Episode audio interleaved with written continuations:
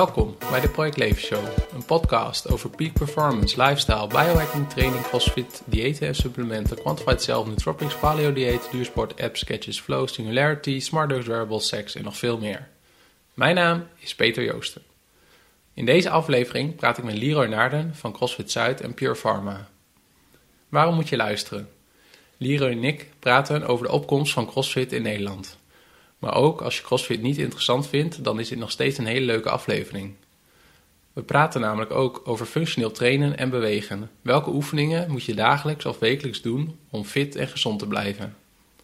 Een ander onderwerp waar we over hebben is voeding. Volgens Leroy eten we in Nederland niet gevarieerd genoeg.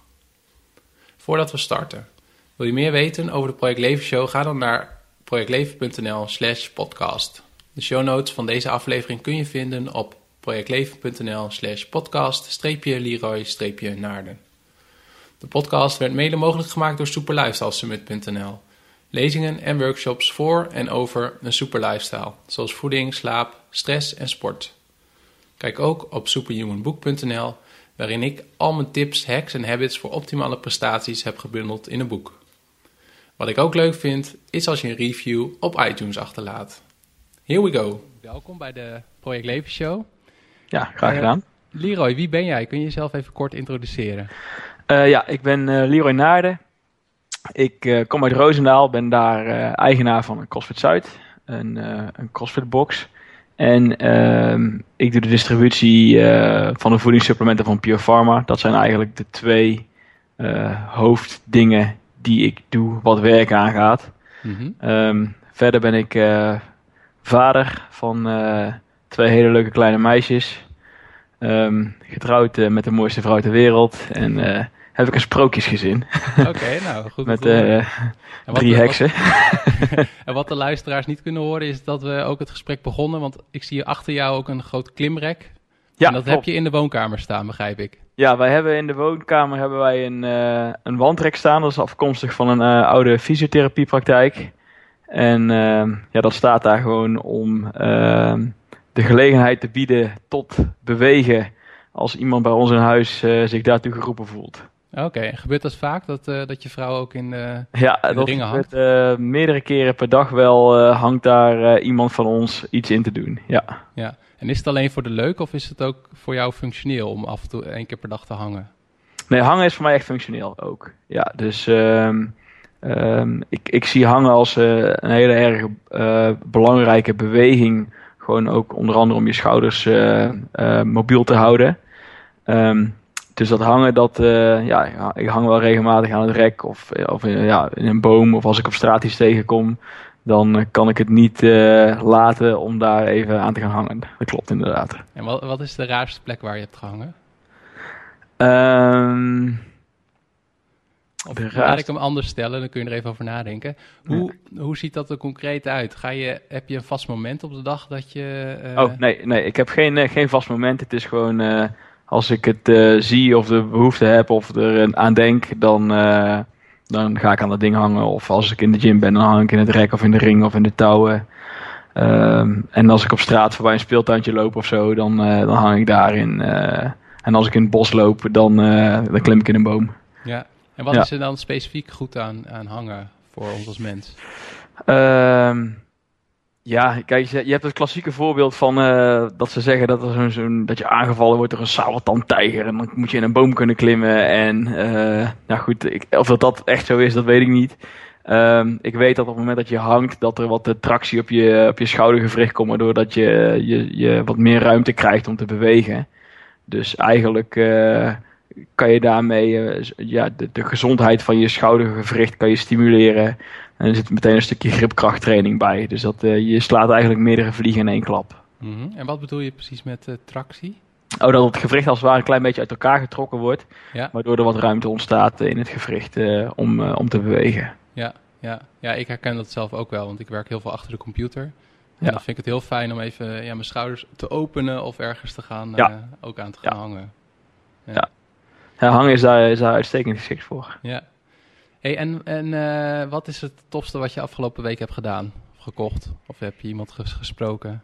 Ehm, het, het tofste wat ik afgelopen week gedaan heb, is Dat is eigenlijk alles wat ik doe is tof. Ehm, nou, het is iets meer dan een week geleden, maar uh, niet, ja, ja, niet afgelopen woensdag, maar de week ervoor. Dus dat is, dat is tien dagen geleden eigenlijk heb ik een lezing gegeven op middelbare school. Voor uh, bovenbouw uh, VWO. Ehm, over hoe je je, je je lichaam gezond kan houden en hoe je je brein scherp kan houden. Dus die twee dingen heb ik eigenlijk gecombineerd in één sessie. Um, omdat ik het erg belangrijk vind dat de, de, de jeugd of de huidige schoolgaande jeugd dingen meekrijgt die niet direct op school geleerd worden. Dus uh, heb ik daar eigenlijk ook op een, op een leuke interactieve manier ben ik anderhalf uur met die kids in de weer geweest. En dat, dat was erg leuk. En, en wat is dat dan precies, wat ze niet meekrijgen? Um, ja, als, je, als ik dat, dat, dat vat open, dan, dan komt er een heleboel uit. Maar uh, persoonlijk vind ik dat er heel erg veel gekeken wordt naar wat, uh, wat kinderen moeten kunnen. Dus ze moeten bepaalde dingen leren, feitjes leren. Um, um, en, en, en misschien dingen die niet direct toepasbaar zijn um, in, in het echte leven. Mhm. Dus als ik alle jaartallen in de geschiedenis uit mijn hoofd weet, dan is dat erg leuk op het moment dat ik in een spelshow zit waar dat gevraagd wordt. Ja. Maar uh, vraag een, uh, een, een, een, gemiddeld kind uh, wat hij met zijn geld moet doen, dan, dan hebben ze daar geen idee van. Dan is het al snel sparen of, of, of um, de, de geëikte antwoorden, de dingen die je van thuis uit meekrijgt. En wat, wat ik heel erg zie is, of wat ik heel, waar ik heel erg van mening ben, is dat kinderen moeten eigenlijk in hun kracht gezet worden. Dus de dingen die ze goed kunnen, dan moeten ze gestimuleerd worden om daar nog beter in te worden. En de dingen die ze niet zo goed kunnen, daar, ja, dat, dat, zal, dat moet misschien naar een bepaald niveau gebracht worden. Maar wat ik nu vaak zie, is dat de nadruk heel erg ligt op hetgene wat ze niet kunnen, om dat naar een bepaald niveau te brengen, eh, ten koste van hetgene waar ze heel erg goed in zijn. En um, ik heb daar een redelijk uitgesproken mening over. En ja, ik heb tien jaar voor de klas gestaan, dus ik heb daar ook wel wat ervaring mee. Maar ja, ik kan daar rustig een, eh, een dag mee vullen om, uh, ja, om, om, mijn mening daarover te geven. Maar dat is eigenlijk in een notendop waar het op neerkomt. Ja, nou, ik denk dat we ook over sommige elementen in de rest van het gesprek wel even opkomen. Ja. Want je noemde net al even, uh, dus nu veel bezig met supplementen en crossfit, om het even plat te zeggen. Ja. Uh, en daarvoor tien jaar voor de klas gestaan. In, Ook in de rol als uh, gymleraar? Of? Nee, um, nee, ik ben van huis uit ben ik ingenieur. Dus om 21 ben ik afgestudeerd aan de HTS. Toen uh, ging ik werken. Dat vond ik niet zo leuk. 21 jaar vond ik, was ik eigenlijk nog gewoon te jong voor mijn gevoel om te werken. Toen kwam de overheid met een gesubsidieerd um, programma om je lesbevoegdheid te halen binnen het vak waar je voor gestudeerd hebt. Nou, ik, had, uh, ik heb voor elektrotechniek gestudeerd. Dus ik ben toen uh, weer een jaar de schoolbank ingegaan. Heb mijn lesbevoegdheid elektrotechniek gedaan, gehaald. Toen heb ik vijf jaar op de MTS gewerkt als docent elektrotechniek. En daarna ben ik op een middelbare school gaan werken om wiskunde en natuurkunde te geven. Uiteindelijk ben ik wel sportlessen gaan geven, maar dat is meer een evolutie van um, ja, hetgene wat ik daar in mijn vrije tijd parallel aan deed dat ik steeds meer mezelf ging verdiepen in uh, sport, voeding, um, coaching, uh, uit persoonlijke interesse. En daar eigenlijk steeds meer ook professioneel iets mee ging doen. Dus openen van de gym is, was daar een, de, sterkste voorbeeld van. En zodoende dat ik uiteindelijk ook wel sportlessen ben gaan geven. Maar van huis uit ben ik eigenlijk heel erg uh, op de exacte vakken gericht. Oké. Okay. En um, je bent je gaan verdiepen in sport. Ja. Um, ja, wij kennen elkaar al een beetje. Ja. Um, maar jij was vroeger ook wel een beetje dik, hè? Uh, ja, ja, ik was vroeger. Ja, ik was. Ja, vanuit mijn oogpunt was ik dik. Als je tegenwoordig kijkt hoe sommige mensen erbij lopen, dan, uh, dan, zal je, dat, dan, dan, viel het, dan viel het nog wel mee. Maar het, ja. ik, was, ik, was, ik was niet. Ja, ik was dik en ik was niet fit. Nee, precies. Maar niet, nee. het was niet extreem, maar Nee. Uh, ik hoorde ook wel eens de term van dan heb je een beetje dooi fysiek. Kun je dat een beetje zeggen? Weet je? Ja, ja, het was, um, laat ik het zo zeggen, op mijn vijftiende. Ik denk dat ik op mijn vijftiende woog ik iets van 85 kilo of zo. En had ik een omtrek uh, rond mijn middel van 95 centimeter. Mm -hmm. Dus um, dat is zeker niet weinig. Um, helaas volgens de huidige maatstaven ook niet uh, bijzonder, maar het is niet prettig. Nee, absoluut niet. Nee, en je bent nu echt super fit. je hebt een eigen gym. hoe is dat? Hoe is dat? Wat is het verhaal daarachter? Zag je op een gegeven moment het licht of hoe werkte dat? Uh, ik ben op het moment dat ik afgestudeerd ben aan de HTS, dus ben was ik, je 21 of was ik 21. Ja. Toen, ja, toen had ik zoiets van, nou, ik moet maar even veranderen. Um, het, wat, toen ging het ook uit met een, met een vriendinnetje van mij waar ik zeven jaar verkering mee gehad heb. Dus dat speelde ongetwijfeld ook mee. Uh, maar toen had ik zoiets van, nou, dat lijf, uh, daar kan ik niet zoveel mee. Dus dat, dat, dat, daar moet iets mee gebeuren. Uh, dus toen ben ik gaan sporten, gaan fitnessen. Ehm, en ik ben iemand, mijn, mijn karakter is zo dat als ik mezelf ergens in verdiep, of oh ja, als ik iets interessant vind, dan verdiep ik me daarin en dan bijt ik me daar ook helemaal in vast. Dus ik ben ook meteen alles gaan uitzoeken van sporten en voeding, alles wat daaromheen, uh, uh, wat daarmee samenhing.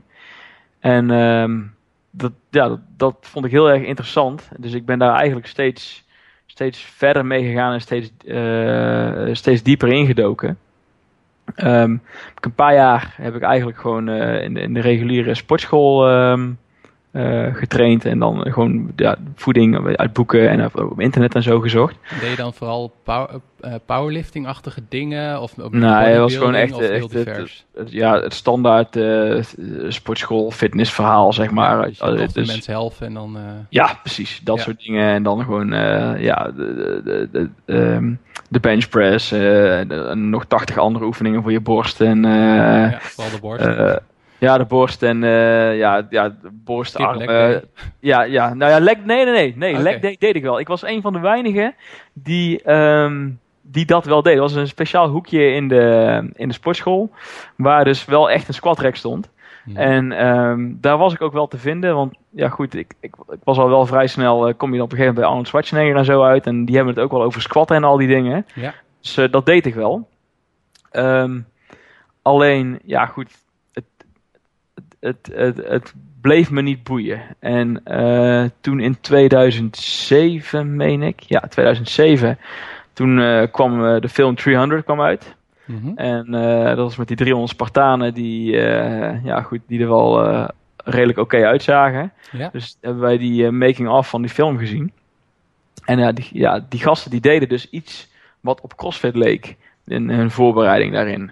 Maar daar wist dus, je toen, dat kwam je toen achter? Of? Daar kwam ik toen achter, ja. Dus okay. toen ik die making of zag, toen... Uh, en dus keek je die film toen, of die making of toen alleen? Of met... Ja, met mijn broer samen. Met mijn broer, okay. Ik heb die film samen met mijn broer gezien. Um, toen had je zoiets van, wow... Uh, ja, toen had je zoiets van, wow, dit is wel... Uh, dit willen we ook. Ja, precies. Um, en toen, toen zijn we dus steeds meer gaan trainen op de manier zoals zij in die film deden. En in eerste instantie uh, wist ik niet dat dat CrossFit heette, maar toen ik dus ging googlen op een aantal van die workouts, mm -hmm. toen kwam ik elke keer op de term CrossFit terecht.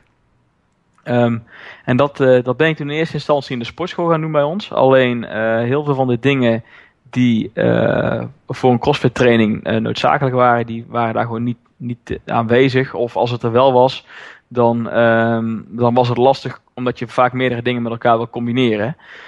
Um, en dan moet, je, dan moet je wel tien handdoekjes mee naar de sportschool nemen om al die dingen bezet te houden. En daar, werden er ook, daar werd, werd niet iedereen gelukkig van. Nee. Um, dus toen zijn wij, hebben wij gewoon gezegd, uh, die zomer van 2007 hebben we het abonnement op de sportschool opgezegd. Hebben we, wat, uh, hebben we een tweedehands barbel gekocht, wat schijven en um, set ringen besteld in Amerika. Ja. destijds was het allemaal nog niet zo makkelijk om dat spul in Nederland of, of in Europa zelfs te krijgen. En toen zijn we gewoon in de achtertuin van mijn ouders aan de slag gegaan. En waar is dat? In uh, Roosendaal gewoon. Ja. Dus, Jij en je broer? Ja, ik en mijn broer zijn daarmee aan de slag gegaan. En um, wij hebben dat... Uh, we hebben bijna vijf jaar bij mijn ouders thuis in de achtertuin. Uh, maar in de achtertuin of was het echt in de garage? Of hoe, nee, nee, buiten in de achtertuin. Echt buiten? Ja, echt buiten. Oké. Okay. Um, en dat hebben we vijf jaar gedaan voordat wij besloten om uh, in, in 2012 de box te openen. Dus ja, dat was wel uh, pionierswerk. Ja, ja. En uh, het openen van die box, was dat omdat jullie steeds meer aandacht ook van andere mensen kregen? Die zeiden van, hé, hey, wat, wat voor workout waar zijn jullie aan het doen? Uh, ja, in 2007, het was ook het jaar waarop de allereerste uh, CrossFit Games gehouden werden. En dat was, dat stelde, was toen lang nog niet zo groot als dat het nu is. Nee. Um, Maar dat was het moment waarop eigenlijk de sport CrossFit ontstond. Ehm, dus omstreeks 2000, 2010 hebben wij voor het eerst aan een CrossFit-wedstrijd meegedaan. En op dat moment begon ook in Nederland een, steeds grotere groep crossfitters te komen. En begonnen dus ook in Nederland crossfit-wedstrijden georganiseerd te worden. En het viel ons altijd op dat die, op die wedstrijden de, de techniek van de mensen um, niet was wat wij dachten dat het kon zijn. Mm Dus toen bleek wel dat wij iets, uh, doordat wij het al, al een tijd deden, dat wij wel wat konden brengen in, in de zin van oké, het aanleren van die bewegingen of, of, verbeteren van techniek. Gaat het dan vooral om Olympische liften? Of ja, om, om, om alles, alle bewegingen. Niet zozeer dat, dat iedereen alle bewegingen fout deed, maar er is niet één specifieke beweging te noemen waarvan je zegt, uh, nou dat doet iedereen fout en dat deden wij goed. Dus het, het was gewoon opvallend dat um, over de hele linie gezien van de, van de events die in die workouts waren, dat wij eigenlijk alles technisch uh, behoorlijk goed deden. En, en dat er op destijds een grote groep mensen was die daar gewoon nog wat moeite mee hadden. Um, dus toen, uh, ja, toen hadden wij uh, op, op, de terugweg van een van die wedstrijden zaten we in de auto en toen hadden we zoiets van, nou weet je wat, als, als wij dan toch denken ja. dat wij ehm, het, het beter kunnen aanleren dan die anderen, um, en, en uh, we het al zo lang doen en, en CrossFit nu nog relatief klein is en we misschien op die golf mee kunnen gaan, mm -hmm. uh, hebben we besloten van nou dan, uh, dan openen we zelf maar een CrossFit box. En dat was eind 2011 was die autorit en begin 2012 was onze box open. Ja, en ja. Ehm, hoe was dat in het begin lastig om mensen in Roosendaal te overtuigen om daar te komen trainen? Um, of hadden jullie wel vrij snel momentum? we hadden vrij snel momentum. Uh, en, en ja, wat ik net ook al aangaf, het, het, was echt het begin van de CrossFit hype in Nederland. Ja. Dus uh, wij hadden ook echt zoiets van, ja, als we erop instappen, het is nu of nooit. Mm -hmm. we, we hebben die ervaring. We, we, hoorden bij, de, bij, de, een van, ja, bij, bij, het, bij het groepje van de eerste CrossFitters in Nederland. Dus we, we moeten dit nu doen, anders gebeurt het niet. Ja. Um, dus ja, wij, wij waren en zijn nog steeds uh, in, in onze omgeving de enige die dat aanboden. Dus naarmate dat mensen daarmee bekend raakten, uh, waren wij eigenlijk de enige waar ze terecht konden. Dus toen wij net openden, toen, ja, we zitten in Roosendaal, maar echt mensen vanuit uh, alle, alle windstreken, echt, echt 40, 50 kilometer bij ons vandaan, uh, kwamen dan gewoon meerdere keren per week naar ons toe om, om crossfit te doen. Mm -hmm. Dus in het begin uh, hadden we echt gewoon uit, uit, ja, ja, wat ik zeg, van, van, van, in een straal van 50 kilometer, iedereen die CrossFit wilde doen, die kwam bij ons. Ja, ja. Dus dat, uh, dat was ons voordeel destijds, ja. ja. En wat ik jou ook hoor zeggen, is dat zeker in het begin hebben jullie gewoon een heleboel dingen jezelf eigenlijk aangeleerd. Dus meer echt een soort van autodidact. En later nou ja, toen, ben je de trainingen ja. gaan doen? Nou, toen wij de box openden, uh, we hadden echt zoiets van, we openen dit alleen maar op het moment dat wij er echt zeker van zijn dat wij op een veilige en verantwoorde manier mensen iets aan kunnen leren. Um, dus het, het, was niet de eerste keer dat wij met de gedachte speelden om een box te openen. Alleen daarvoor hadden we eigenlijk nooit, vonden we onszelf niet competent genoeg. Mm -hmm. uh, alleen die wedstrijd uh, waar ik net aan refereerde, die, uh, dat was wel echt een moment waarop het op begon te vallen. Van hé, hey, waarom bewegen wij wel op een bepaalde manier en, en zij niet? Dus ja, als wij dan toch zo'n grote mond hebben, zeggen ja. dat we beter kunnen, dan moeten we het ook maar gewoon doen. Ja. Um, maar op het moment dat wij openden, toen deden wij dus al vijf jaar aan CrossFit. Dus toen hadden we al vijf jaar met vallen en opstaan, uh, uh, waren we in aanraking met die bewegingen geweest. Dus toen waren we wel redelijk competent om, om mensen aan te kunnen leren. Mm -hmm. um, dus, en dat wil niet zeggen dat we toen geen dingen fout deden. Um, maar het, we deden in ieder geval een heel stuk minder dingen fout dan de jaren ervoor, waarmee we onszelf uh, af en toe uh, om zeep geholpen hebben. Dus al die fouten die wij gemaakt hebben in het verleden, die hebben we gelukkig wel uh, al onze leden ervoor kunnen behoeden. Ja, ja, precies. Ja. maar je hebt daarna ook wel, of jullie hebben daarna ook een aantal cursussen gevolgd. Ja. Op het gebied van sport en bewegen. Oh ja, joh. we hebben van alles gedaan. Um, Wat sowieso, staat je nog het meeste bij? Nou, wat het me het meeste bijstaat is toch wel echt mijn allereerste CrossFit Level 1. Ja. Eh, dat was in 2009 was dat.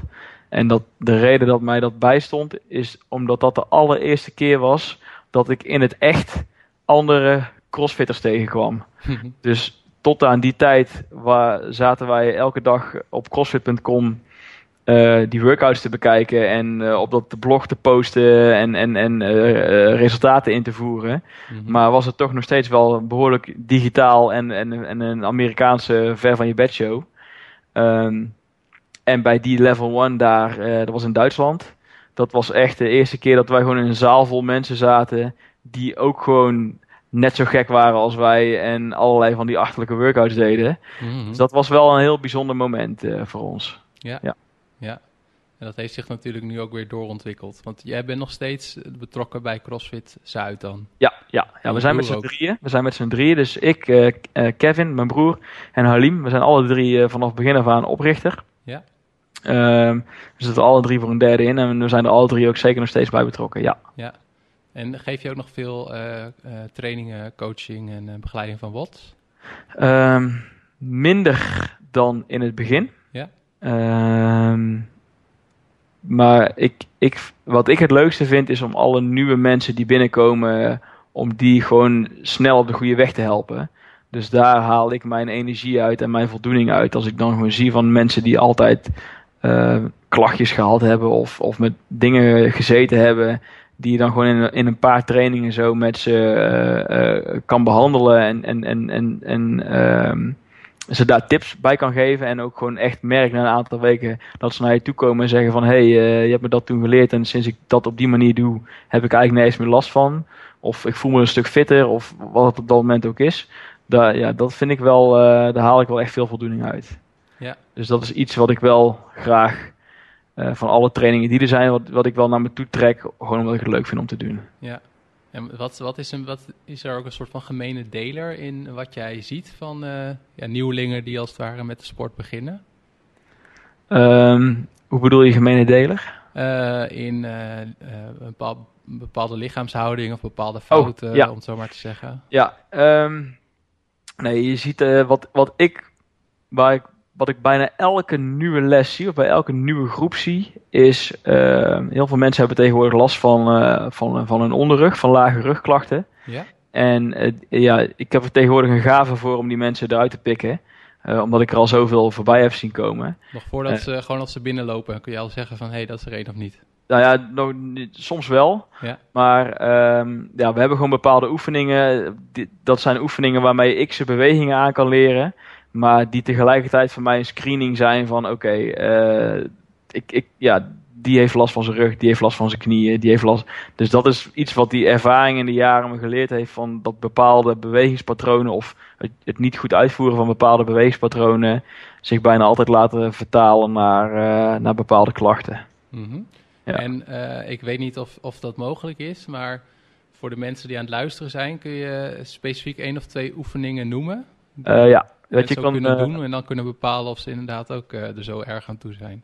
Wat een van de dingen die, eh, die ik het meeste zie, is bij CrossFit bijvoorbeeld, dat, daar zit gewichtheffen in. Ja. En gewichtheffen, dat, dat klinkt een stuk spannender dan het is. Gewichtheffen is feitelijk gewoon, zodra je iets, iets oppakt, dan ben je aan het gewichtheffen. Of het nou een halter is, of een bal, of een kettlebell, of, eh, of, je- of je boodschappentas. Ehm, en wat ik standaard zie gebeuren is dat heel veel mensen dat vanuit hun rug doen. Ehm, waar op zich niks mis mee hoeft te zijn eh, als je dat bewust doet. Maar op het moment dat je dat onbewust doet, dan ben je dus eigenlijk een bep- bepaalde structuur in je lichaam aan het belasten. Of aan het overbelasten soms. eh, wa- wat, wat zich uiteindelijk kan vertalen in rugklachten. Dus wat je bijvoorbeeld ziet als iemand voorover buigt, dan, ehm, dan zie je dat. eh, even kijken naar de billen. Eh, nooit vervelend naar de billen te kijken. Ehm, nee, als je kijkt van, vanuit de billen of vanuit de heup, dan zie je bijvoorbeeld heel erg weinig achterwaartse verplaatsing van de heup. En, en wat je dan moet indenken is, als je rechtop staat en je, je, je, je, je heupen staan recht boven je hielen. Mhm. Op het moment dat je voorover buigt, dan zouden je heupen eigenlijk achterwaarts moeten verplaatsen ten opzichte van je hielen. Dus je heupen achter je hielen moeten uitkomen. En ehm, het is niet te zeggen dat dat, dat, dat dan per se ideaal is of dat dat moet. Mhm. Ehm, maar het feit dat je niet bewust eh, voor jezelf bepaalt van zet- doe ik het wel of doe ik het niet, dat maakt meestal dat de klachten komen. Dus mensen zijn zich niet bewust van het feit dat ze eigenlijk continu hun rug aan het belasten zijn in plaats van dat er ook een mogelijkheid is om de belasting richting hun billen en hun hamstrings te schuiven. Ehm, dus, dus dat is iets wat ik, ja, dat zie ik elke les gebeuren. Ja. Ja. Ehm, en je noemde ook al eh, dat je veel bezig bent met voeding. Hè? Want Ja. sporten gaat ook wel gepaard met voeding. Ja. Wat, eh, wat heb je vanochtend ontbeten? koffie.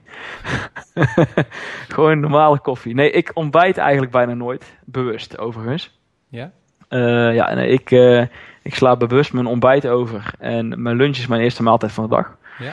Ehm, en de reden daarvoor is omdat ik weet dat ik, ik wil graag s'avonds wat meer kunnen eten. Dus op het moment dat bij mij de ontspanning erin komt, dan wil ik, wil ik gewoon lekker eh, met mijn vrouw op de bank kunnen zitten en gewoon lekker een grote maaltijd naar binnen kunnen werken. Ja. En voor mij werkt dat goed om dan te zeggen van oké, dan skip ik mijn ontbijt.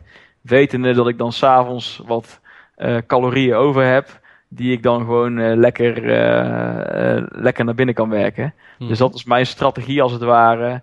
Om, om, om, om mijn verloop van de dag eh, zo optimaal mogelijk in te delen wat voeding aangaat. Ja, en hoe laat sta je meestal op? Ik sta meestal eh, half zes, zes uur sta ik op ongeveer. Ja, dus je hebt nog wel een tijd te overbruggen. Het is niet dat je om 11 uur eh, wakker wordt en om 12 uur kan lunchen. Oh nee, nee, nee. nee. Ik, ben, ik ben er om zes uur eigenlijk altijd wel uit. En meestal eet ik rond half één, één uur mijn eerste maaltijd. Ja. Maar dat heeft voor jou meer met de verdeling van eh, eten te maken? Of eh, ben je ook bewust aan het, eh, ja, zoals ze dat zeggen, intermittent fasting aan het doen? Nee, het, het is natuurlijk intermittent fasting. tenminste, zo, zo noemen ze het. Maar bij mij is het echt gewoon een, mijn strategie. Ja, Die past bij mijn, wat ik prettig vind om te eten. Ja. Dus ik, ik doe het niet vanwege de mogelijke voordelen van intermittent fasting. mooi Ik doe- meegenomen. Ja, maar ik, ik, ik doe het echt vanwege het feit dat het mijn leven makkelijker maakt. Ja. En volg je eh, voor die maaltijden en voor de lunches ook nog een bepaald eh, soort type dieet? Of eh, is dat redelijk los? Dat is redelijk los. Wat, ik- wat ik, waar ik mezelf op focus is, ik wil proberen elke maaltijd wel wat iets van eiwitten te eten. Ja. En ik probeer elke maaltijd groente te eten. Ik eet heel veel groente. Ehm, en voor de rest ehm, ja, is het zoals het is. Ja. En ehm, ja, de, het zwaartepunt ligt dus bij mij echt in de avond. Echt mijn laatste maaltijd van de dag. Die eet ik tussen 9 en 10 uur s avonds. En dat is wel, ik denk dat ik de helft van mijn calorieën eh, bij die maaltijd naar binnen krijg. Ehm, maar dus de basissamenstelling is, is wat eiwitten en veel groenten. En daar voeg ik gewoon aan toe wat op dat moment eh, voorhanden is.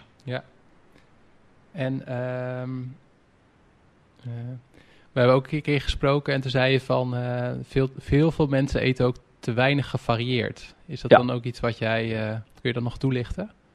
Ja, ehm, kijk, als je, als je kijkt naar voeding, dan eh, hoe meer we leren over voeding, hoe meer we ook eigenlijk achterkomen dat, wat, dat we eigenlijk niks van af weten. Dus er zijn waarschijnlijk nog een heleboel voedingsstoffen waarvan wij niet eens weten dat ze bestaan, of hoe we ze moeten omschrijven, of hoe ze eruit zien. Mhm. Ehm, die we misschien wel nodig hebben. Dus, en de, en, dus ik zeg dan gewoon, ja, spreid je winkansen. Dus als je zo, zoveel mogelijk variatie eet, dan weet je in ieder geval dat je van alles altijd wat binnenkrijgt. En ik ben ook van mening dat eh, al die hypes die je tegenwoordig ziet van ehm, vermijden van gluten, of eh, vermijden van zuivel, of vermijden van andere dingen. Dat moet je absoluut doen op het moment dat je daar echt niet tegen kan.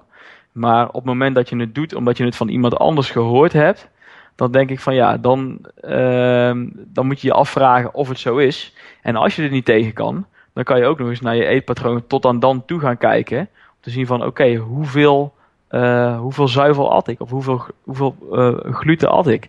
Ehm, als je bijvoorbeeld kijkt naar de hele hype rondom, rondom brood en granen. ehm, de meeste mensen die Juist het vermijden daarvan. Ja, vermijden ervan inderdaad. De meeste mensen die er baat bij hebben eh, bij het vermijden ervan, die, die hebben niet per definitie een of andere eh, gluten aangeboren glutenintolerantie of allergie. Maar als je hun eh, eetpatroon historisch gaat bekijken, dan ontbijten ze met boterhammen. Dan hebben ze eh, tussendoor hebben ze een, een sultana. Hebben ze smiddags weer brood. Dan hebben ze dan tussendoor een cracker. En dan hebben ze s'avonds pasta. Dus dit is een heel erg gechargeerd eetpatroon natuurlijk. Maar het lijkt er wel heel erg op. En dan, dan lijkt het net dat je vijf verschillende dingen eet. Maar dan krijg je eigenlijk wel vijf keer hetzelfde type voeding binnen. Dus dat de variatie is dan volledig weg. Nou, vergroot dat uit met de factor tijd over een aantal jaren. En dan is het niet gek dat daar misschien een bepaalde intolerantie voor opgebouwd wordt. Um, ik wil niet zeggen dat dat altijd zo is, maar het, het, het, valt mij op dat de mensen die altijd zwaar richting een bepaalde voedingsgroep leunden, er het meeste baat bij hebben als ze juist die voedingsgroep eruit halen. Dus um, in mijn ogen, ja, ik, ik, ik ga, heb altijd in mijn achterhoofd, nou, dat, daar zou wel eens een verband tussen kunnen zitten. Ja. Dus vandaar dat ik zeg van ja, varieer gewoon, dan weet je zeker dat je dat soort, mocht, mocht dat soort, mochten dat soort verbanden kunnen ontstaan, dat je ze voorkomt. En dan weet je ook zeker dat je gewoon een, een, een, eh, een, een hele een grote variatie aan verschillende voedingsstoffen binnenkrijgt. Ja. ja, alleen het probleem is dat het waarschijnlijk niet zo sexy klinkt, hè? Het gevarieerd dieet. yes! Ja. Ach ja, goed. Dat is zo weer een. Uh, marketingtechnisch is niet handig, maar ja, dat, uh, ja. dat, daar loop ik wel vaker tegenaan. Um, ik vind het wel een mooi bruggetje, want je uh, bent op een gegeven moment ben je ook uh, Pure Pharma gaan importeren. Ja, klopt. Hoe is dat? Ja. Uh, kun je dat verhaal vertellen? Hoe is dat gebeurd? Um, ja, dat is eigenlijk was ik op zoek naar suppletie in eerste instantie voor mezelf. Ja. Um, maar ook gewoon om aan de mensen bij ons in de box te verkopen op het moment, uh, omdat het ongeveer omstreeks dezelfde tijd was dat wij, de, dat wij CrossFit Site openden. Dus dat was 2010 of zo? 2012 was dat. 12, ja. Ja, dus eind 2012 ben ik distributeur geworden van Pure Pharma. Nee, de reden wat, dat ik dat deed is, ik, ik was altijd van mening, uh, of, ja, en ik niet alleen, dat er, er zijn een aantal voedingsstoffen die we als mens nodig hebben, die je misschien niet zo snel uit je dieet kan halen zelfs als je een heel erg goed dieet hebt, dan is het soms uh, lastig om bepaalde voedingsstoffen eruit te krijgen. En wetende dat een heleboel mensen uh, al moeite hebben om, om voldoende groentes op een dag te eten, dan, ja, dan, dan kom je al heel snel op uit dat je daar misschien bepaalde suppletie bij nodig hebt. Um, en wat, ik van, wat mij van Pure Pharma heel erg aantrok, was het feit dat ze zich focusten, uh, focussen op, op, op producten waar gewoon een, een brede wetenschappelijke basis voor is. Um, en, en dat ze ook proberen om daar uh, de doseringen en de ingrediënten uh, zodanig te maken dat het ook daadwerkelijk impact heeft. Um, zonder dat je, um, uh, hoe zeg je dat? Um, zonder dat je daarbij alle, alle hype hebt en alle marketing dingen die je bij sommige andere supplementen ziet. Mm -hmm. Dus het is, het is heel transparant. Uh, het is heel erg goed om te onderbouwen waarom je het zou moeten nemen. Het is heel erg goed te onderbouwen waarom er voor bepaalde ingrediënten en bepaalde hoeveelheden gekozen is. En uh, ja, dat, dat trok me gewoon heel erg. Ja, en toen uh, heb je eens een keer gebeld en gezegd: joh, uh, hebben jullie nog een distributeur in Nederland nodig? Um, ja, zoiets. het is wel zo dat ik de, de, eigenaar van Pure Pharma, die kende ik van die level 1. Oh, die heeft dat ook toen gedaan. Ik, ja, dus ja, toen ik in 2009 de level 1 deed, toen was hij daar een van de trainees die, uh, om uiteindelijk ook de level 1 te gaan geven. Hij was eigenaar van een van de eerste CrossFit boxen in Europa ook. Dus hij is zodoende ook, uh, heeft hij voor CrossFit gewerkt. En uh, heb ik hem daar leren kennen. Voor CrossFit, en, de overall. ja, voor CrossFit ja. HQ, ja. Um, dus dat, dat lijntje lag er al wel. Dat is, dat is niet dat we dikke vrienden waren of zo, maar um, we kenden elkaar wel. Mm -hmm. En uh, goed een paar keer contact erover gehad, uh, voorwaarden, uh, een beetje over en weer gestuurd. En ja, toen diep ingesprongen.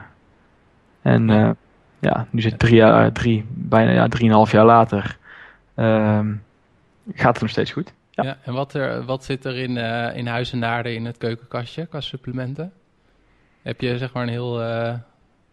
daar, zit, daar zit alleen Pure Pharma in. Ja, maar welke, welke type dan? Wat uh, is um, vitamines? Dus, ik doe zelf uh, D en omega en... Uh, ja, we hebben ze... Ja, ik, ja, ik heb ze natuurlijk allemaal. Ja. Um, de M, de O, de D en de SB3. Dat zijn degenen die, die ik in huis heb staan. Ja. En SB3 dat is een probiotica. Ja, dus dan voor je darmflora. Ja, ja. Ja, en die D, O en M, die, kun je dat kort toelichten wat ze afzonderlijk doen? Ja, in een notendop, vitamine D is, heeft eigenlijk te maken met alles uh, in je immuunsysteem. Uh, magnesium heeft te maken met je, met je energiehuishouding. En uh, essentiële vetzuur, visolie, is ja, bouwstof van je hersenen en je zenuwstelsel. Dus, en heeft ook voor een deel te maken met je herstel. Mm -hmm. ja. Dat is in de, eigenlijk in een notendop um, wat ik erover uh, kan en mag zeggen. Want er zijn wel onderzoeken dat het ook op andere dingen eventueel effect zou hebben. Ja. Maar in een, in een notendop is het uh, immuunsysteem, energiehuishouding en uh, hersenen en zenuwstelsel. Ja. Nou ja, de waar komt het duizend toch niet mee. Nee, ja. hey, maar wat... Um, zie, kijk, de hele supplementen-business, zoals ik dat zie, dat is best wel booming. Uh, ik heb soms zelf het idee dat er mensen ook te veel voor van alles uh, supplementeren. Ja. Uh, maar dat is mijn eigen me mening. Mm -hmm. deel je die en zie je ook nog andere ja, fouten tussen aanhalingstekens die worden gemaakt rondom supplementen?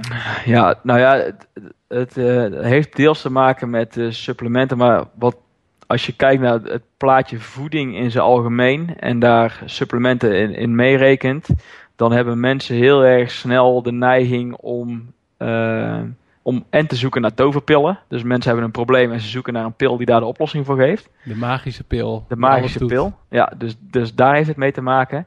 En, het, het heeft, en wat daarmee samenhangt is dat mensen heel erg graag denken in uh, stofjes en in de details. Um, en dan komen we weer terug op het feit dat die, de boodschap die ik over het algemeen verkondig niet heel erg sexy is. Omdat die details, dat is wat het is. Het zijn details en het zorgt voor de, de laatste paar procenten. Um, terwijl het, grote, het grootste gedeelte van het resultaat is te halen met de dingen die niet zo heel spannend zijn. Um, en maar die dingen die niet zo heel spannend zijn, als je die consistent uitvoert, dan haal je op lange termijn wel resultaten. Um, dus, dus dat is wat ik zie als ik dan weer uh, allerlei uh, exotische supplementen voorbij zie komen. Nogmaals, ik, ik hou me er niet genoeg mee bezig om te weten wat wel precies werkt en wat niet precies werkt. Mm -hmm. Maar wat mij opvalt in, in de mensen die ik erover spreek, die mij vragen stellen over bepaalde supplementen, is dat die uh, heel erg veel baat zouden hebben op het moment dat ze eerst die basisdingen even op orde zouden hebben. In plaats van meteen naar de supplementen te grijpen. En dat ze dan misschien voor de resultaten die ze zoeken, die supplementen eigenlijk niet eens nodig zouden hebben. En wat zijn dan die basisdingen die jij noemt, die niet sexy zijn? Ja, dat is wat we het net over hadden. Gevarieerd eten, uh, eet wat meer groente, uh, ga op tijd naar bed. Uh, zorg voor wat, train, train met mate. Train niet, de meeste mensen die starten met trainen, die gaan, dus of ze doen niks, of ze gaan als een idioot trainen. Maar gewoon, tussenvorm ja, doe gewoon iets, iets wat vol te houden is. Um, dus het is echt. Ik heb wel eens ge gehoord en geleerd dat op het moment dat, dat iets heel erg naar het extreme neigt, dan wil je er eigenlijk uh, uh, dan wil je er voorzichtig mee zijn. Dus um, ja, de, de, de dingen die ergens in het midden uitkomen, dat zijn vaak de dingen die je wil doen. Alleen, um, het is niet ja, sexy. Het is weer niet sexy, nee. nee. Ik, ben ook, ik ben ook niet sexy. haren kwijt en zo. Nee, dat is allemaal. De tijd van sexy is lang geleden. ja, dus voeding, beweging, uh, ja. zeg je eigenlijk. Ja, ik, ik ben daar heel saai in eigenlijk. Uh, maar ja, dat saaie, dat werkt wel. En ja. op het moment dat mensen dat in gaan zien, dan zie je ook dat er in één keer resultaten komen die, uh, ja, de resultaten waar ze naar op zoek zijn. Ja. Maar dat, heeft ook, ja, dat is ook een heel stuk mindset. Ja. En uh, is dat, was dat ook de boodschap die je uh, tegen de scholieren zei, die helemaal aan het stuiteren waren van hun Red Bull? Of, uh... nou ja, bij die scholieren heb ik het niet echt over voeding gehad. Wat ik bij de scholieren gedaan heb, is ik heb ze. Um, ik heb gewoon wat, wat oefeningen met ze in de gymzaal gedaan. Waarmee ze geconfronteerd werden met beperkingen die ze nu al hadden. op, op, ja, die kinderen waren 16, 17, 18 jaar oud. Ja. Dat ze nu al tegen beperkingen aanliepen in wat hun lichaam nog kon. Um, Heb je een voorbeeld van zo'n oefening? Is dat hetzelfde wat je net zei? Met, um, bukken? Uh, dat bukken bijvoorbeeld inderdaad. Een, een, plankpositie vasthouden. Um, dat is squat, dat je op, je op twee ellebogen en je op je tenen staat hè, in een rechte lijn. Ja, in een rechte lijn. Dus, dus, dat is het, dat, met een plank, daar kan je eigenlijk je, um, je, je rompstabiliteit kan je daarmee testen op, op, op een bepaalde manier. Dus het, het, het, controleren van je wervelkolom eigenlijk. Ja? Um, en, en squatten. Dus gewoon op je hurken gaan zitten zonder om te vallen of zonder met je, met je hielen van de vloer te komen. Ja. Eh, dus eigenlijk onze natuurlijke rustpositie. Dat, ehm, daar hadden ze dan al moeite mee. Ehm, en dat wist ik natuurlijk, anders dan laat ik ze die dingen niet doen. En dat is dus ook wel de ervaring die, waar, waarmee ik geleerd heb dat, dat ze daar tegenaan zouden gaan lopen. Ehm, maar wat ik dus gedaan is, ik heb ze gewoon dat soort dingetjes laten doen. En dan, ja, dan merkten ze van, hey, dit, dit lukt me niet zo goed meer. En vervolgens heb ik dat gekoppeld aan het feit van, oké, eh, jullie zijn nu 18 jaar, je hebt nog een heel leven voor je. Wat, wat wil je allemaal nog doen eh, de tijd dat je hier bent? En, en hoe belangrijk is je gezondheid daarin? En uh, als je die twee dingen dus samenbrengt, van dat je nu al merkt dat je gewoon bepaalde bewegingen niet of niet optimaal meer kan. En jij wil, uh, je hebt al die dingen nog die je wil doen in het leven. Welke prioriteit ga je daar dan aan geven? Ja. Dus uh, op die manier heb ik het eigenlijk een beetje het, het, het, het hele praktische met het, filosofische gekoppeld.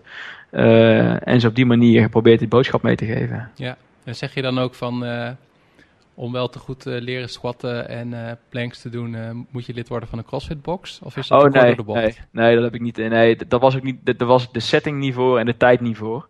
Nee. Um, dit was echt gewoon voor hun een, een manier om, um, ja, om even de, de confrontatie. ze werden even geconfronteerd. Ja. Um, en, en ik hoop dat ze er ook dat, dat, dat er ook een stukje inspiratie in zat van hé hey, ja die, uh, die ouwe die heeft wel gelijk van ik, ik wil dit allemaal nog.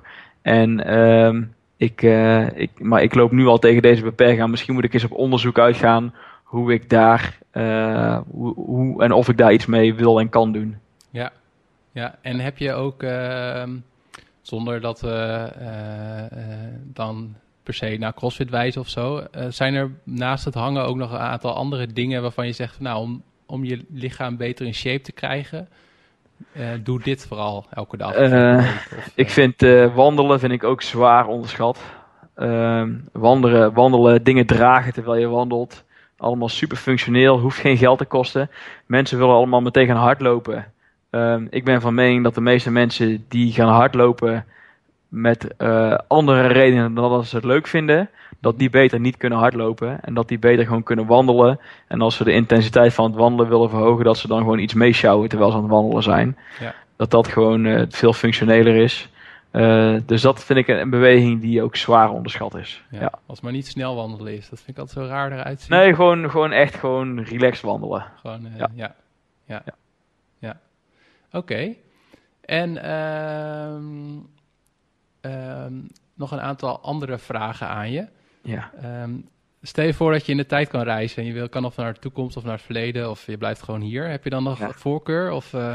Ja, dat- waar ik dan heen zou gaan. Ik, eh, ik zeg altijd, ik had eigenlijk in de jaren 70 geboren moeten worden, denk ik. Ik hou zo van die muziek van de jaren 70. Ik hou heel erg van dansen. Eh, dus ik zou die discotijd wel eens eh, mee willen maken. Ja, want je hebt ook een salsa school gehad, hè? Ik heb, ehm, het is alweer een tijd geleden inmiddels. Maar eh, ik ben eh, drie jaar eh, mede-eigenaar geweest van een salsa dansschool. Ja, Ja. En dat was ten tijde of iets voordat je een CrossFit box. eh ja toen, toen deed ik al wel crossfit. Maar ehm, ik ben een jaar voordat we de box openden, ben ik gestopt met de, met de dansschool.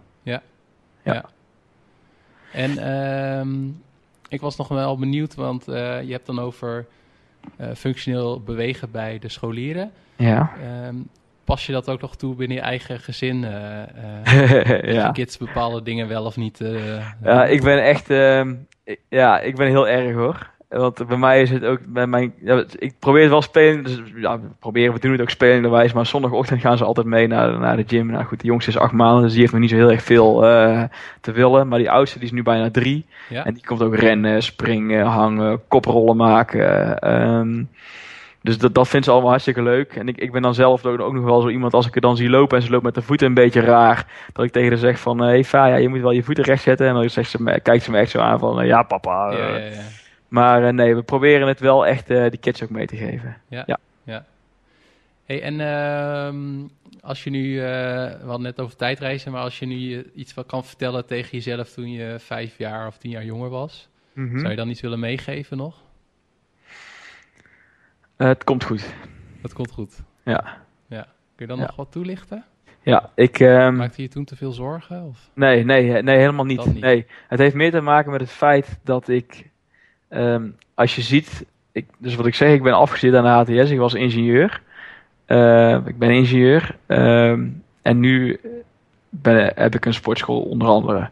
Dat is niet de meest logische, eh, ja, het, het meest logische pad, maar ik, als ik erop terugkijk, en dat is iets wat je ook alleen maar kan doen op het moment dat je erop terugkijkt, denk ik. ehm, elke beslissing die ik genomen heb in het verleden heeft ertoe bijgedragen dat ik ben waar ik nu sta. En ik ben erg gelukkig waar ik nu ben. Ik, ik doe alleen maar dingen die ik leuk vind, of bijna alleen maar dingen die ik leuk vind. Ehm, en dat, dat is vanwege mijn verleden. Ehm, als ik niet tot mijn 21 te dik was geweest, dan had CrossFit Zuid niet bestaan. En eh, dan hadden een heleboel mensen die wij de afgelopen jaren met CrossFit Zuid geholpen hebben, en die we nu nog steeds helpen, ook niet de hulp kunnen krijgen die ze nu krijgen van ons. Dus ik ben eh, terugkijken naar het verleden, ben ik, eh, ben ik dankbaar voor elke, elke beslissing die ik genomen heb. En had ik het niet, had ik het niet anders moeten doen. Ja, ja. Nou, dat zijn wel wijze woorden, want ik heb dat zelf, ik denk dat iedereen dat heeft. Van, joh, had ik niet al dit en dit toen gedaan. Maar jij zegt Ja. eigenlijk ook van, nou ja, het loopt op een bepaalde manier en daarom ben Ja. je ook gewoon waar je nu bent. Ja, ja nee, absoluut. Dat, eh, dat, daar ben ik echt heilig van overtuigd. En ehm, als ik jou vraag naar je favoriete boek, is dat dan ook een meer filosofisch boek of een trainingsboek? Of een... Nou, ehm, mijn favoriet, ja, het, het hangt een beetje vanaf in welke categorie. ehm, Nou, je mag ook meerdere voor deze keer. ja, wa, wa- wat ik, kijk, wat ik, wat ik in mijn werk meemaak, heel veel mensen zijn niet gelukkig waar ze nu zijn. Ehm, en heel veel mensen zijn daarin zoekende. En dat betekent dus dat ze een verandering, dat, ze zijn niet gelukkig, ze willen, eh, ze willen iets anders. Dus er moet een verandering plaatsvinden. Ehm, maar die verandering, die, eh, ja, dat betekent dus dat, dat je iets, ja, letterlijk iets anders wil dan wat je nu wil. Want die verandering die kan heel snel plaatsvinden of die kan, daar kan je wat meer de tijd voor nemen. Dus ehm, als ik twee boeken mag noemen, en dan zou ik ze ook in de volgende volgorde lezen, dan zou ik in eerste instantie eh The Slight Edge lezen van Jeff Olson. Ehm, dat is een boek dat gaat over verandering en hoe dat keuzes die in het begin heel makkelijk zijn om wel uit te voeren, maar net zo makkelijk zijn om niet uit te voeren, eh, als je die door vergroot eh, over, over met een factor tijd, dat die, eh, in één, dat die, dan, die kleine beslissingen hele grote resultaten kunnen hebben, zowel positief als negatief. Ehm, dus dat boek zou ik eerst lezen. En daarna zou ik zeker te weten eh, Think and Grow Rich lezen van eh, Napoleon Hill. Als je dat principe snapt van dat eerste boek en je gaat vervolgens de dingen die Napoleon Hill in zijn boek schrijft toepassen, dan, dan kan het niet anders dan dat je een positieve wending aan je leven gaat geven. Ja, ja. Ja, ik zal de linkjes ook opnemen bij het eh, Ja. artikel. Dan kunnen mensen het ook heel makkelijk eh, terugvinden. Ja. Ehm, en ehm, van boeken naar films of documentaires, heb je een bepaalde... Ik heb laatst Pumping Iron ge- gekeken met Ja. eh, Arnold Schwarzenegger. Echt superleuk. Films. Ja, er is één film.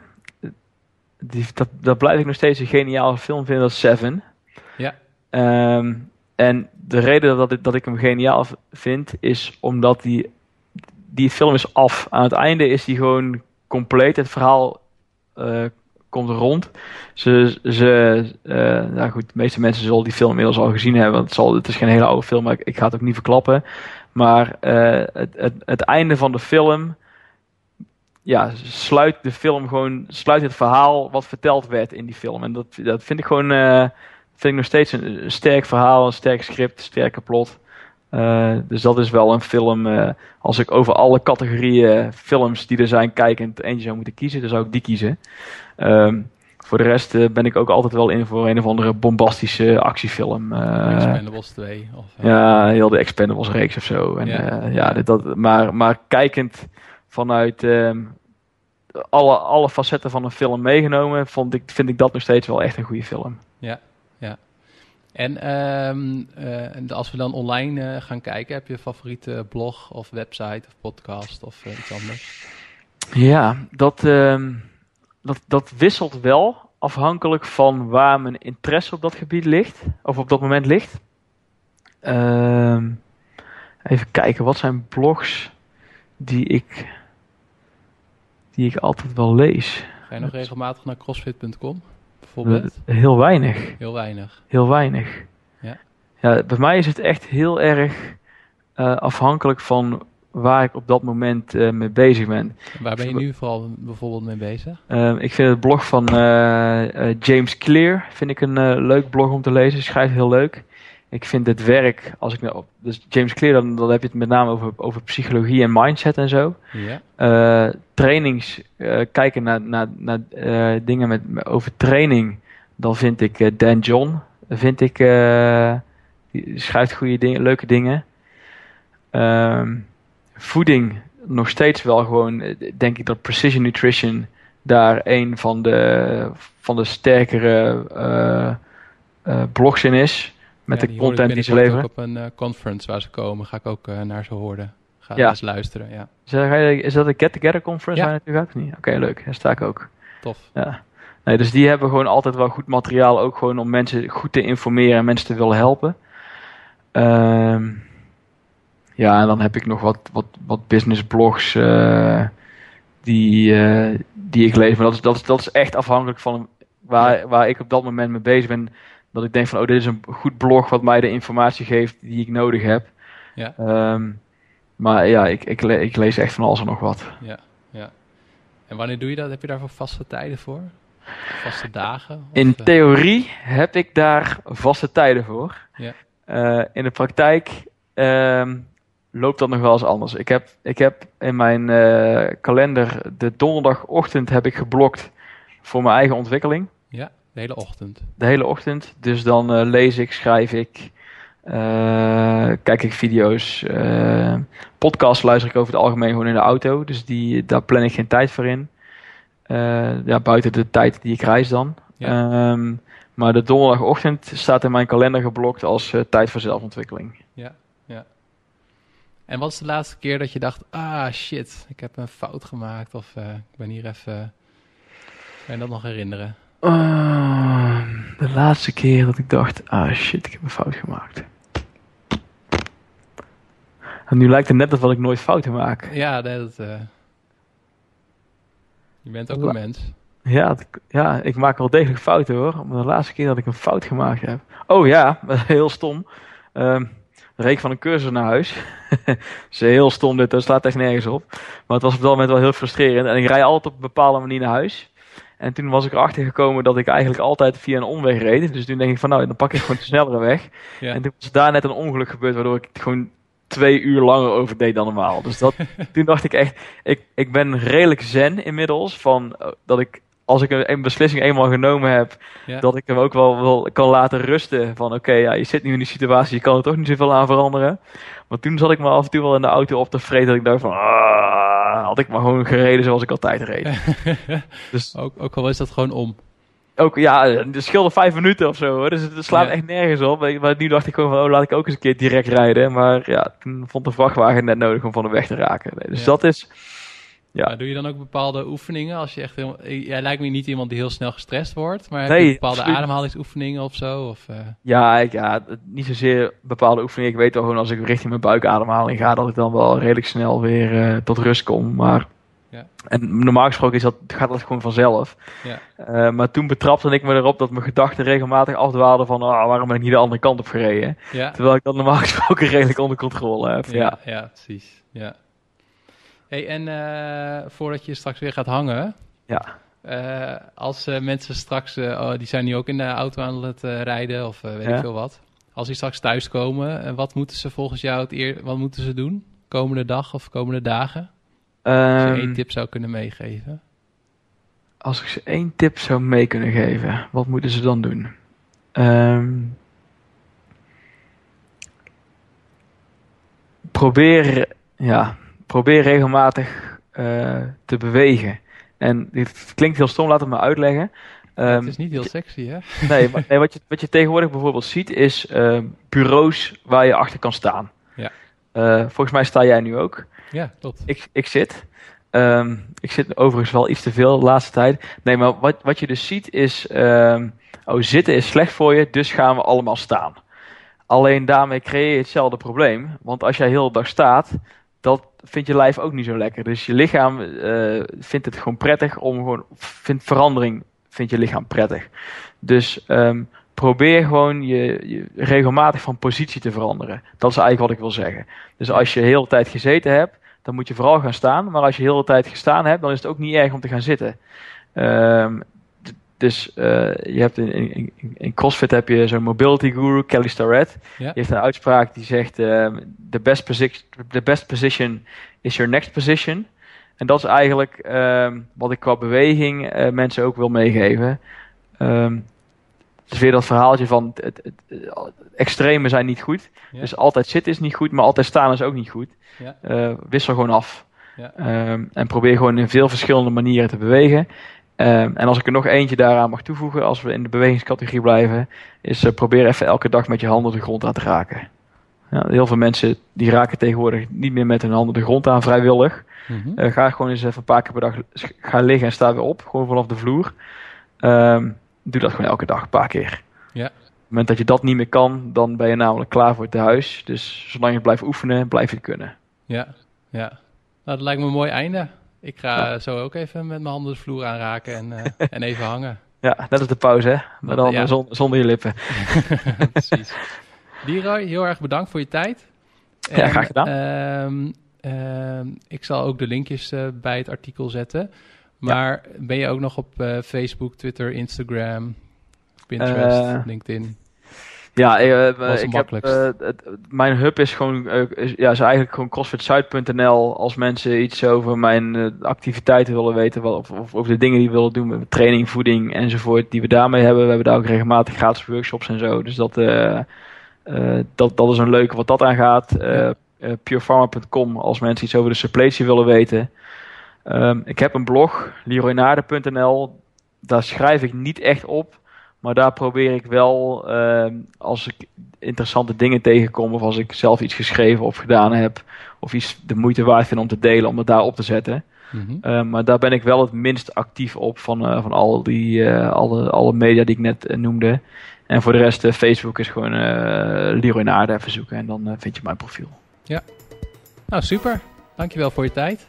Ja, graag gedaan. Jij ook bedankt voor je interview. Bedankt voor het luisteren naar de Project Leven Show. Wil je meer weten over de Project Leven Show? Ga dan naar www.projectleven.nl slash podcast. Show notes van deze aflevering kun je vinden op www.projectleven.nl slash leroy-naarden. Tot slot.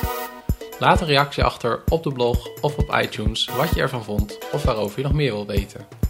Wat je ook kan doen is mij een e-mail sturen op peter-projectleven.nl wil je niets missen van de Project Leven Show? Ga dan naar facebook.com slash projectleven of abonneer je op deze podcast via iTunes, Stitcher of Overcast. De podcast werd mede mogelijk gemaakt door superlifestylesummit.nl. Lezingen en workshops voor en over de superlifestyle, zoals voeding, slaap, stress en sport. Kijk ook op superhumanboek.nl, waarin ik al mijn tips, hacks en habits voor optimale prestaties heb gebundeld in een boek.